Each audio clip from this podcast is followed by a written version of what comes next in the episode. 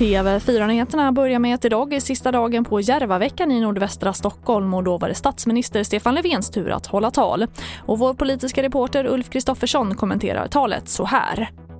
Om man då ska ha invändningar så är det väl att han står och lovar massa förbättringar, att det ska bli större satsningar på sjukvården, äldreomsorgen, att man ska komma till bukt med gängkriminaliteten. Men han har varit eh, statsminister i snart sju år sedan oktober 2014 och då kan man ju fråga sig varför har inte det här blivit bättre tidigare under den här tiden? Och mer om det här finns på tv4.se. Och en man har anhållits misstänkt för grov våldtäkt mot barn, det rapporterar Aftonbladet. Enligt uppgifter till tidningen ska barnet ha kommit i kontakt med gärningsmannen via Snapchat och händelsen ska ha inträffat i Botkyrka i torsdags och offret fick föras till sjukhus med ambulans.